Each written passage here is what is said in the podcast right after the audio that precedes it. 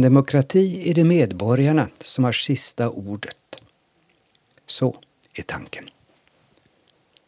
Under drygt ett sekel riktade också demokratisträvandena här i Norden in sig på att utvidga medborgarnas skara så att hela folket skulle omfattas.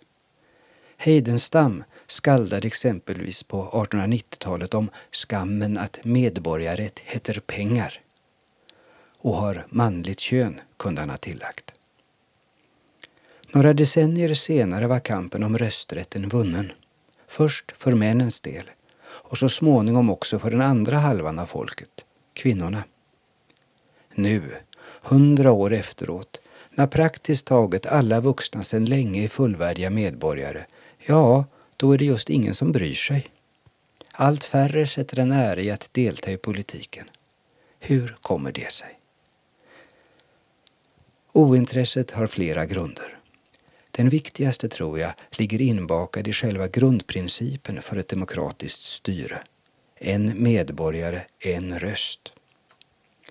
När den principen tillämpas på stora sammanslutningar innebär den en extrem form av maktdelning.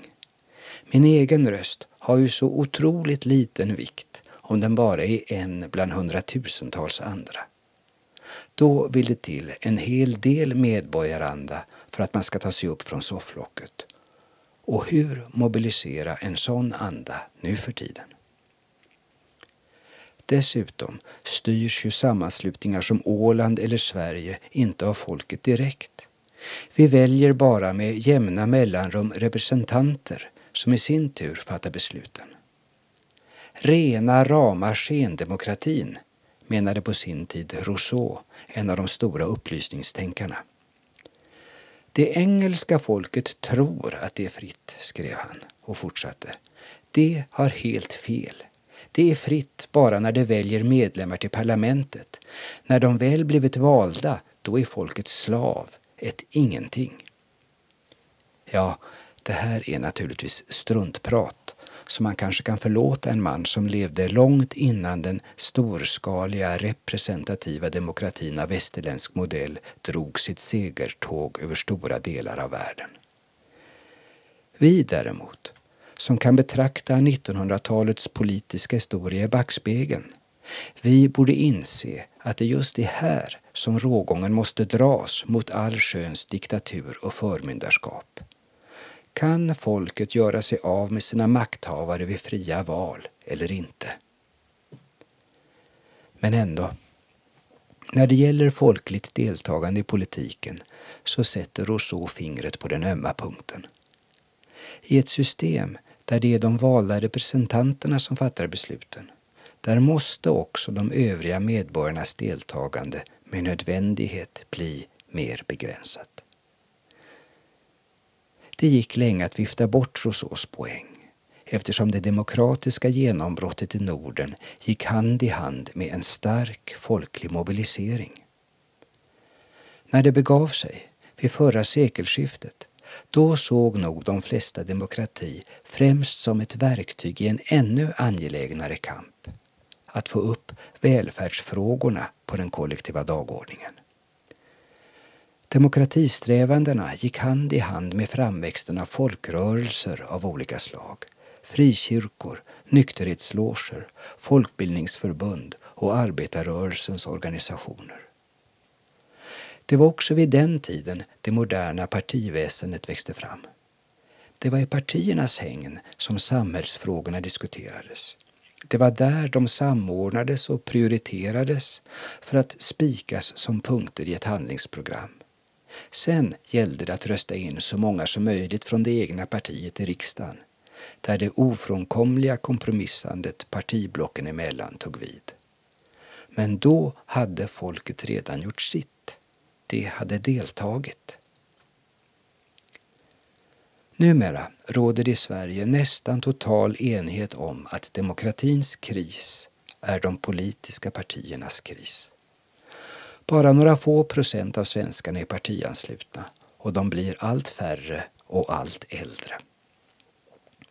Men unga människor är inte mindre politiskt intresserade än förr. De har bara inte lust att på ideell basis ta på sig rollen som förvaltare av beslut som fattades för 30-40 år sedan. De vill engagera sig i sina egna frågor, nya frågor och helst en fråga åt gången, vare sig den är politisk eller inte. Därför är till exempel den synnerligen ungdomliga livespelsrörelsen i Sverige uppbyggd kring tusentals samverkande ideella föreningar. Den är större än det största politiska ungdomsförbundet. Och en radikal kulturförening som Ordfront kan ståta med fler än 30 000 medlemmar över hela landet. Partierna måste förnya sig. Det är alla rörande eniga om. Frågan är hur. Många sätter sitt hopp till personval inom ramen för det traditionella partiväsendet. Kanske de borde åka på studiebesök till Åland för att göra sig en klarare bild av hur den blandningen fungerar i praktiken. Hur som helst är personval knappast lösningen på problemet hur samhällsfrågorna i fortsättningen ska kunna diskuteras på bred bas och kopplas ihop till relativt sammanhängande alternativ som har folklig uppbackning. Det var ju det här som en gång var partiernas uppgift och som många deltog i med liv och lust. Politikerna kallar sig själva fortfarande för folkvalda. Alla andra, inte minst media, kallar dem för makthavare eller beslutsfattare.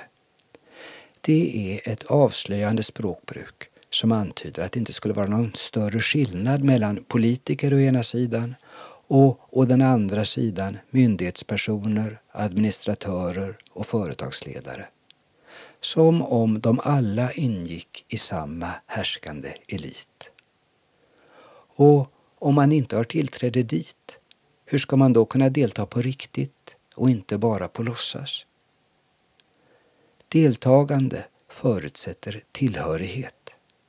Så skulle man kunna formulera det representativa styrets ömma punkt. Det konstaterade Göran Hemberg, översättare, berättare och folkbildare med demokratifrågor som specialitet. Göran Hemberg är projektledare vid eh, Rikssvenska Demokratiakademin där man just nu bedriver ett landsomfattande utbildningsprojekt om demokratifrågor. Hur ser det ut om vi studerar hur det fungerar på Åland? Hur aktivt deltar vi i det politiska livet vid till exempel val? Det har Eva Nyberg försökt ta reda på. Under ett års tid, från januari 1999 till januari år 2000, hade ålänningarna möjlighet att utöva sin demokratiska rättighet att genom att gå och rösta påverka samhällsutvecklingen i allt från den egna kommunen och lagtinget till riksdag, presidenttillsättning och EU-parlament. Föga förvånande skilde sig valdeltagandet i de olika valen en hel del från varandra. Grundregeln för valdeltagande på Åland, liksom på många andra håll, är att ju närmare medborgarna valet är, desto flitigare väljare. Det absoluta bottennappet blev det i valet till den folkvalda församling som ligger längst bort både geografiskt och mentalt, EU-parlamentet. Det konstaterar Kasper Vrede som forskar i ålänningarnas valbeteende. Nå, inte oväntat så är det ju våra egna lokala val som engagerar mest. Och glädjande var ju också det att i både lagtings och kommunalvalet så har ju deltagande ökat faktiskt jämfört med tidigare. I, I båda valen slår vi faktiskt rekord och nådde deltagande nivåer som vi inte har legat på tidigare. Inte några väldigt dramatiska ökningar, men i alla fall. Men fortfarande så, så är ju valdeltagande relativt sett lågt om man ser det, till omvärlden. Det är relativt sett lågt men skillnaderna är ju inte så väldigt stora längre faktiskt. Vad talar vi om i siffror så där i runda tal? Senaste riksdagsval i, i Finland så där sjönk deltagande. Alltså, medan här hos oss ökar faktiskt deltagande i, i riksdagsvalet också.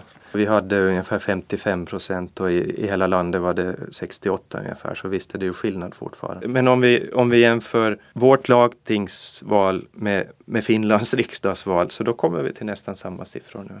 Och på kommunal nivå så Norge till exempel har, har numera lägre deltagande i sina kommunalval än vad vi har här på Åland. Så att vi, är inte så här väldigt avvikande längre. En orsak får man nu lova att ge en eloge till, till Mariehamns stad som då drev en aktiv kampanj för att få folk att rösta i kommunalvalet. Och det ser man nog effekt av alltså för att deltagande i, i Mariehamn ökar mest alltså av alla kommuner. Mariehamnarna är inte längre sämst på att gå och rösta. Det har de ju varit i, i flera decennier nu. Men...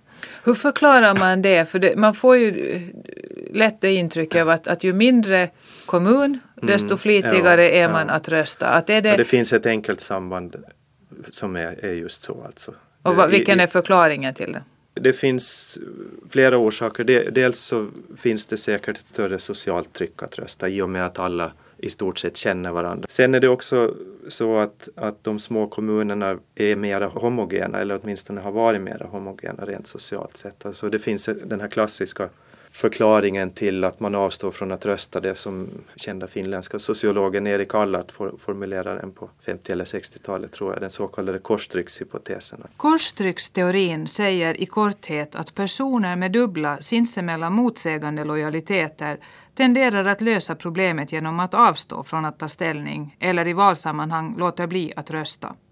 Mariehamnarna är ett bra exempel på väljare under korstryck, säger Kasper Vrede. I Mariehamn har vi ju det här typiska att Mariehamn är väldigt heterogen. Befolkningen är väldigt heterogen. En väldigt stor del är inflyttade till stan och har naturligtvis en stor del av sympatier kvar i, i sin hemsocken om man nu har kommit från Fögle eller Finström. Man känner sig fortfarande mycket hemma där. Men samtidigt har man ju nu blivit stadsbo, man, man måste liksom söka sig ett nytt sammanhang. Där får man kluvna lojaliteter och det leder till just till ett sånt här korstryck. Bland annat det leder till att man då löser den konflikten genom att avstå helt och hållet. Mm. Samtidigt är stan då större, mer anonym. Om vi då kanske går vidare från, från den här kommunala nivån eller de lokala valen och, och tittar på, på de som där, där avståndet till beslutsfattarna blir längre. Du sa att i riksdagsvalet, det senaste riksdagsvalet så, så steg valdeltagande.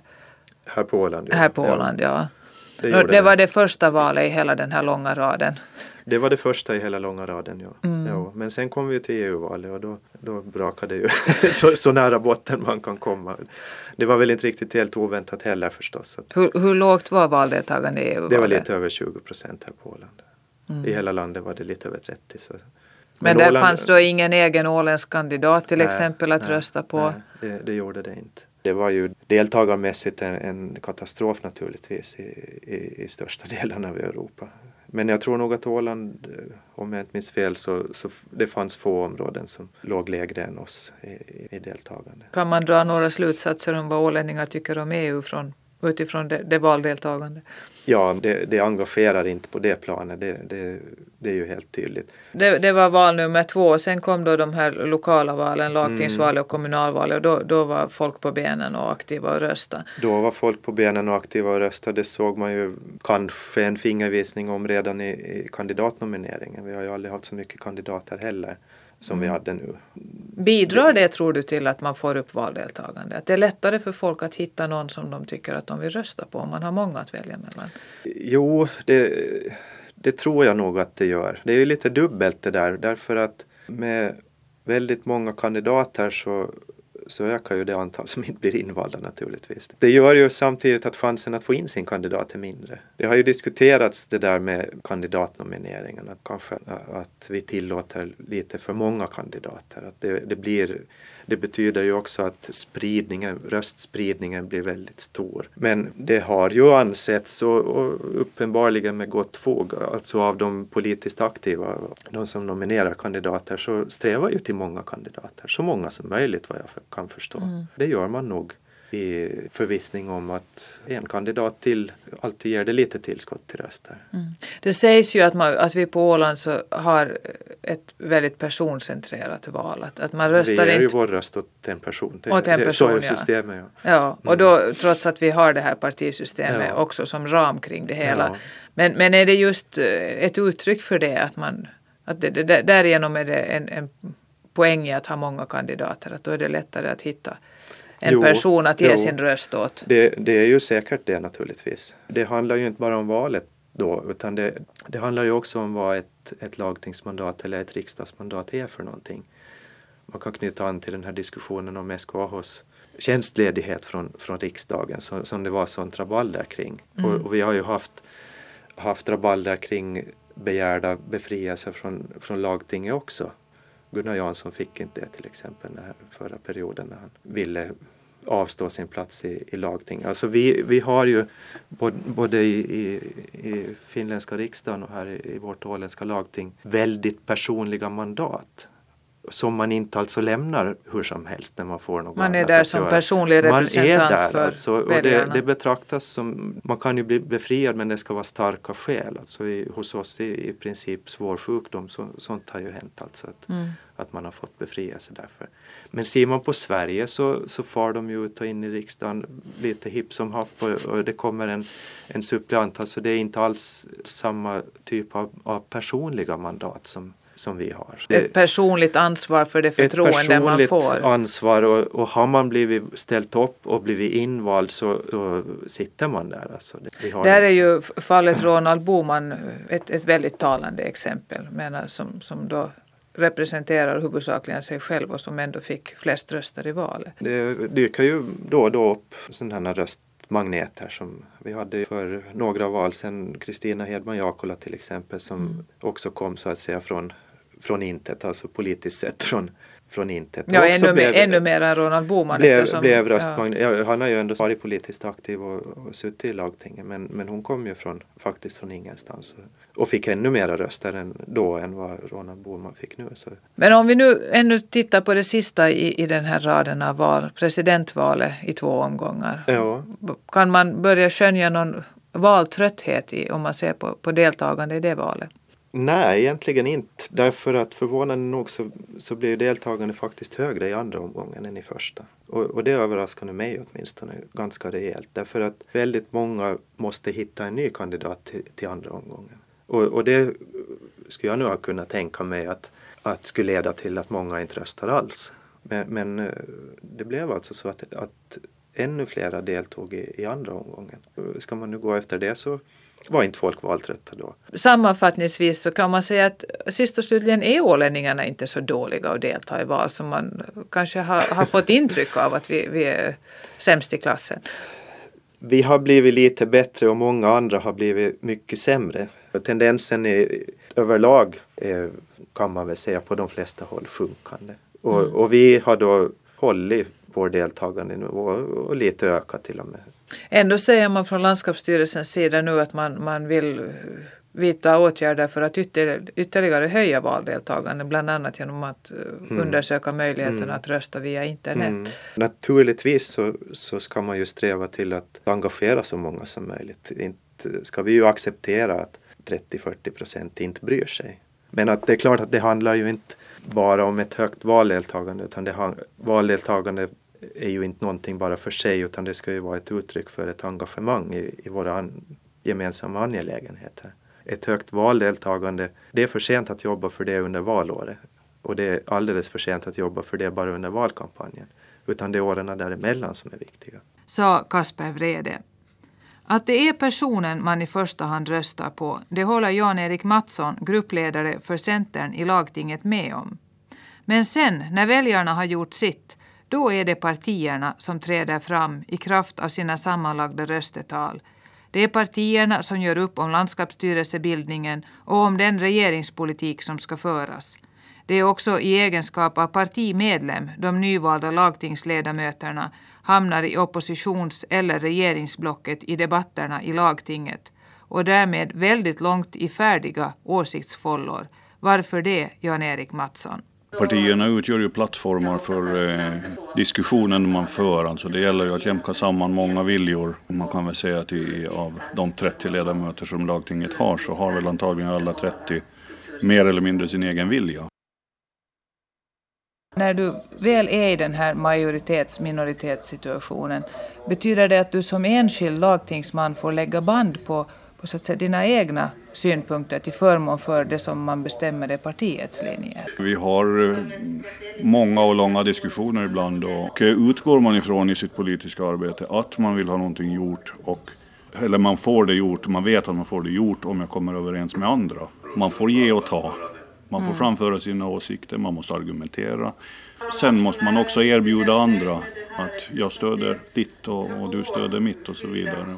Sedan när man utvidgar det då till en landskapsstyrelsebas så gäller det samma sak. Vi träffas då i det som vi kallar trepartimöten där och eh, där finns det ännu flera då viljor. Vi är 17 personer på dem och plus landskapsstyrelseledamöterna ytterligare sju stycken så att vi är ju 24 stycken som egentligen alla har olika viljor men eh, hittills har vi väl i princip lyckats sammanföra alla de här viljorna. Det, det är redan förarbetat innan frågor diskuteras i lagtinget. När, när frågan kommer upp i lagtinget så då är om vi nu tar som din grupp, Centergruppen, färdigt hopdiskuterad. Att det, det, finns inga vilda hästar som stiger upp och säger någonting som går på tvärs med majoritetens linjer i det skedet. Det har funnits i någon fråga där någon av ledamöterna helt klart har sagt att jag har en annan åsikt i den här frågan och den kommer jag framföra. Och det får man göra? Hittills har ingen nekat dem. Annars skulle det uppstå om och om igen att, att någon ideligen skulle säga att jag har en annan åsikt. Då tror jag att det går som det gick med Rolle Boman i Frisinnade, att man får bilda en egen grupp. För dig då som representant för majoritetsblocket, är det självklart att alltid stödja alla förslag från landskapsstyrelsen. Synar du de förslagen med samma kritiska blick som du synar oppositionens förslag? Det är inte på samma sätt därför eh, om vi ser landskapsstyrelsens framställningar och ja, allt det som kommer till lagtinget. Det har vi ju tagit del av i beredningen. Redan när landskapsstyrelsen börjar bereda ett ärende så informerar man lagtingsgrupperna, rådfrågar dem om olika saker, att hur, hur man vill ha det, vilken linje ska vi välja och så vidare. Däremot när, när oppositionen kommer då så då kommer ju de ofta i form av eh, motioner framförallt.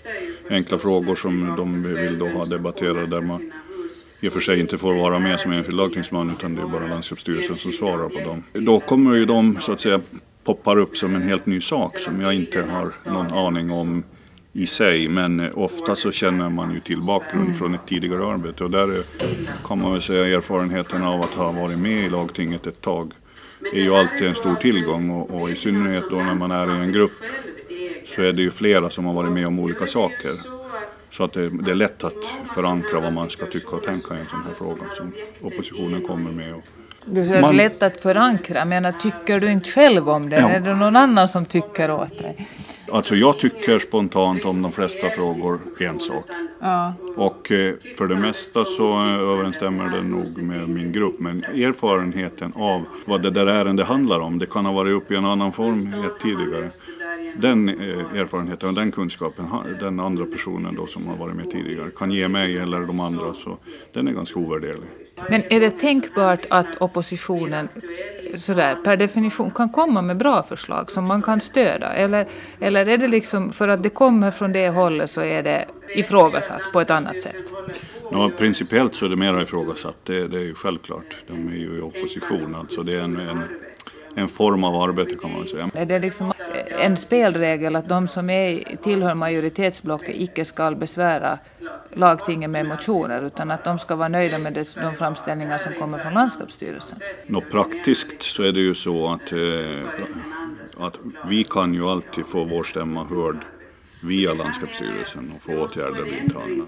Men ändå så är ju motionen idag, det, vi vet ju vid senaste hemställningsmotionerna hade vi ju ett antal motioner även ifrån regeringspartierna. Det är ju ett sätt att man ska synas och höras lite mer än man blir omskriven och omtalad. Det har väl varje Valarbete inför nästa val alltså? No, delvis det också, att visa ens väljare att man finns här och att man gör någonting. Mm. Just det. Vem representerar du i första hand? När du sitter i lagtinget? Dina väljare, de som uttryckligen har röstat på dig, eller Centern? Jag representerar mina väljare absolut i första hand, helt klart. Det, det är ingen tvekan om den saken. Tycker du att det faktiskt, om man, om man går till, direkt i partiprogrammen, om vi ser på mittengrupperna, då Centern, Liberalerna, att det finns väldigt stora ideologiska skillnader? Eller för att ställa det på sin spets, handlar motsättningarna i åländsk politik om politiska meningsmotsättningar eller om personmotsättningar? Det handlar nog om både och skulle jag säga. Om man tittar på partiprogrammen så har vi ju ingen stark skillnad egentligen mellan något av de åländska partierna förutom Framstegsgruppens partiprogram då, som handlar om någonting annat. Alla partier har nästan samma innehåll i sina offentliga valprogram och partiprogram. Men eh, när det gäller i sak sen när man börjar diskutera olika frågor så ser man nog på saker och ting eh, ganska olika. Jag vet inte, en, en kanske en, en markerad linje mellan eh, det som idag är opposition och det som idag är landskapsstyrelsepartier så är väl nog den här Ålandsbilden skulle jag säga, kalla det kanske. Alltså det här att vi vill göra saker och ting på vårt sätt utan att säga att så gör de i riket. Om det handlar väldigt mycket om personliga motsättningar, vad bottnar de i sist och slutligen? Jag vet att det finns eh, personliga motsättningar i salen som handlar om då, eh, som man säger, uppfattade gamla oförrätter. Vid till exempel tillsättande av talman till exempel, skulle jag tänka mig. Vid förhandlingar om bildande av landskapsstyrelse i gamla tider. Folk är långsinta. Ja, jag tror att det handlar om en långsinthet som förstör det politiska arbetet som man istället skulle kunna uträtta. Vore det eftertraktansvärt med ett större samarbete över blockgränsen? När det gäller externpolitiken så skulle det vara mycket bättre. Det är en eh, olycklig rådande situation där och det vet jag inte varför den har blivit så men det finns säkert någon gammal oförrätt kanske som ligger till, till last för det också. Jag, jag skulle tänka mig till det. Jag tror inte att eh, det här lagtinget, lika lite som det förra, kommer att kunna ena sig kring externpolitiken så som Alltså gentemot riket? Gentemot riket och EU framför allt. Hur man ska gå tillväga för att få mera insyn, vilka vägar man ska använda sig av, vad som ska lyftas fram som de viktigaste frågorna när det gäller de här. Och sedan då naturligtvis självstyrelsens utveckling, övertagande av olika behörigheter, så finns det ju ganska olika syn på. Det är ganska grundläggande olika syn. Men det, är det ideologiska skiljelinjer eller är det personmotsättningar? Det är nog mera kanske ideologiska också, men det, det, de är personrelaterade nog väldigt. Jag är inte säker på att alla är så där helt på det klara med vad det verkligen skulle innebära, eller vad det verkligen innebär, de ståndpunkter som ens parti står för. Att man låser sig i en, en, en uppfattning? I många av de här frågorna är man upplåst ifrån tidigare fattade, så att säga, eller uttalade starka övertygelser. Man kan av princip inte ändra sig ifrån det. Fenomenet Ronald Boman som Ja. demokratiskt fenomen. Ja, det är väl ett tecken på någonting som är fel antagligen. Jag tror att det kan vara ett tecken på att just alla de här partierna är så väldigt lika i övrigt. Och att det finns folk som då är missnöjda ute i samhället med olika saker. Samtidigt så kommer man ju tillbaks till, till det som eh, är hans problem, kanske ursprungligen och fortsatta. Och det är det att han får ändå ingenting gjort.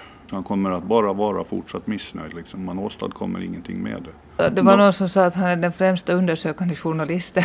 Ja, det håller jag med om. Han, eh, ingen läser landskapsstyrelsehandlingarna så noggrant som han gör det. Men det, det som jag tycker är mitt politiska mål så är ju att åstadkomma någonting. Göra Åland bättre om det går. Och du menar att det kan man inte göra när man sitter som enmansgrupp? Nå, det blir ju mer eller mindre en princip att eh, ingen lyssnar på det. Jag menar, lyssnar vi får ju lyssna på när han säger det men det är ingen som verkställer det han vill ha gjort. Även om han skulle säga något jättebra. Tja. Sa Centerns gruppledare i lagtinget Jan-Erik Mattsson. Hur ser då Ronald Boman själv på sin roll i lagtinget? Går det att få gehör för sina synpunkter som enmansgrupp? Jag tycker att jag får bra fram mina åsikter. Nu är det ju så att man jobbar i lagtinget mycket i utskott och jag sitter ju själv enbart i justeringsutskottet. Men i och med att jag är ordförande där så är jag med i talmanskonferensen. Och det är talmanskonferensen som, som gör upp lagtingets arbete. Men nu är det ju så att all, allt utskottsarbete kommer ju sedermera fram till lagtinget och där får alla debattera. Så det är ju där jag har min chans. Och i synnerhet som är det ju budgeterna, tilläggsbudgeterna som jag engagerar mig hårt i. Men tycker du att någon lyssnar till dig? Jag menar, att de- de åsikter du för fram, blir det något gehör för dem i, i den faktiska politiken? Jo, absolut. Jag kan ju säga till exempel hela den här debatten som fördes om det så kallade Ålandstillägget. Det var jag som i det här lagtinget introducerade uttrycket Ålandstillägg där jag då lämnade in en motion om att vårdpersonalen skulle få ett extra Ålandstillägg om 1000 mark per månad. Det slutade med att samtliga offentligt anställda på Åland fick ett Ålandstillägg och där ser man Om man lyssnar till dig nu så får man ju intryck av att, att, det, att det är en verklig debatt i, i lagtinget. När jag talade med Jan-Erik Mattsson, gruppledare för Centern tidigare, så fick jag intryck av att det är väldigt mycket är färdigt pratat inom majoritetsblocken när det, frågor kommer så långt som till lagtinget. Och att det är därför de egentligen inte går upp och ifrågasätter sånt som kommer från landskapsstyrelsen. För den, den diskussionen har de redan fört bakom slutna dörrar. Delvis har ju han rätt i det. Jag har ju själv suttit med i regeringsblocket och varit med under tregruppsmötena men det är ytterst lite som diskuteras där. Vi har tyvärr ett sådant politiskt system på Åland att landskapsstyrelsen sitter och bestämmer och de lagtingsmän som tillhör landskapsstyrelsepartierna tiger och samtycker. Det är tyvärr på det sättet. Det är ingen demokrati utan det är en, en makt, ett maktstyre från landskapsstyrelsen som inte är bra. Det är mycket lättare och mycket bättre att jobba i oppositionen. För då får du i alla fall tala om vad du själv tycker. Vad beror det på att majoritetsblockets ledamöter är så tama i debatterna? Då? Varifrån härstammar det, den politiska kulturen? Det härstammar från det att respektive partis starkaste män och kvinnor placeras ofta i landskapsstyrelsen. Så det är de stora röstmagneterna, de som sitter där. Vi ser ju bland annat Frisinnad samverkan med Roger Jansson som landskapsstyrelseledamot. Inte finns det ju någon inom FS som vågar gå mot honom. Likadant har vi inom Centern, där har vi ju Roger Nordlund som är Centerns ordförande. Han sitter i landskapsstyrelsen. Inte tror jag att det är någon av Centerns lagtingsledamöter som vill frondera mot sin egen ordförande. Därför har vi fått det här systemet. Så för att komma ifrån det så skulle man ju nästan ha en regering då, eller en landskapsstyrelse som består av icke-politiker. Då skulle man ju slippa det här förstås. Då skulle det ju bli en konstruktiv debatt i, i lagtinget, men det kommer ju knappast att hända. Det sa Ronald Boman.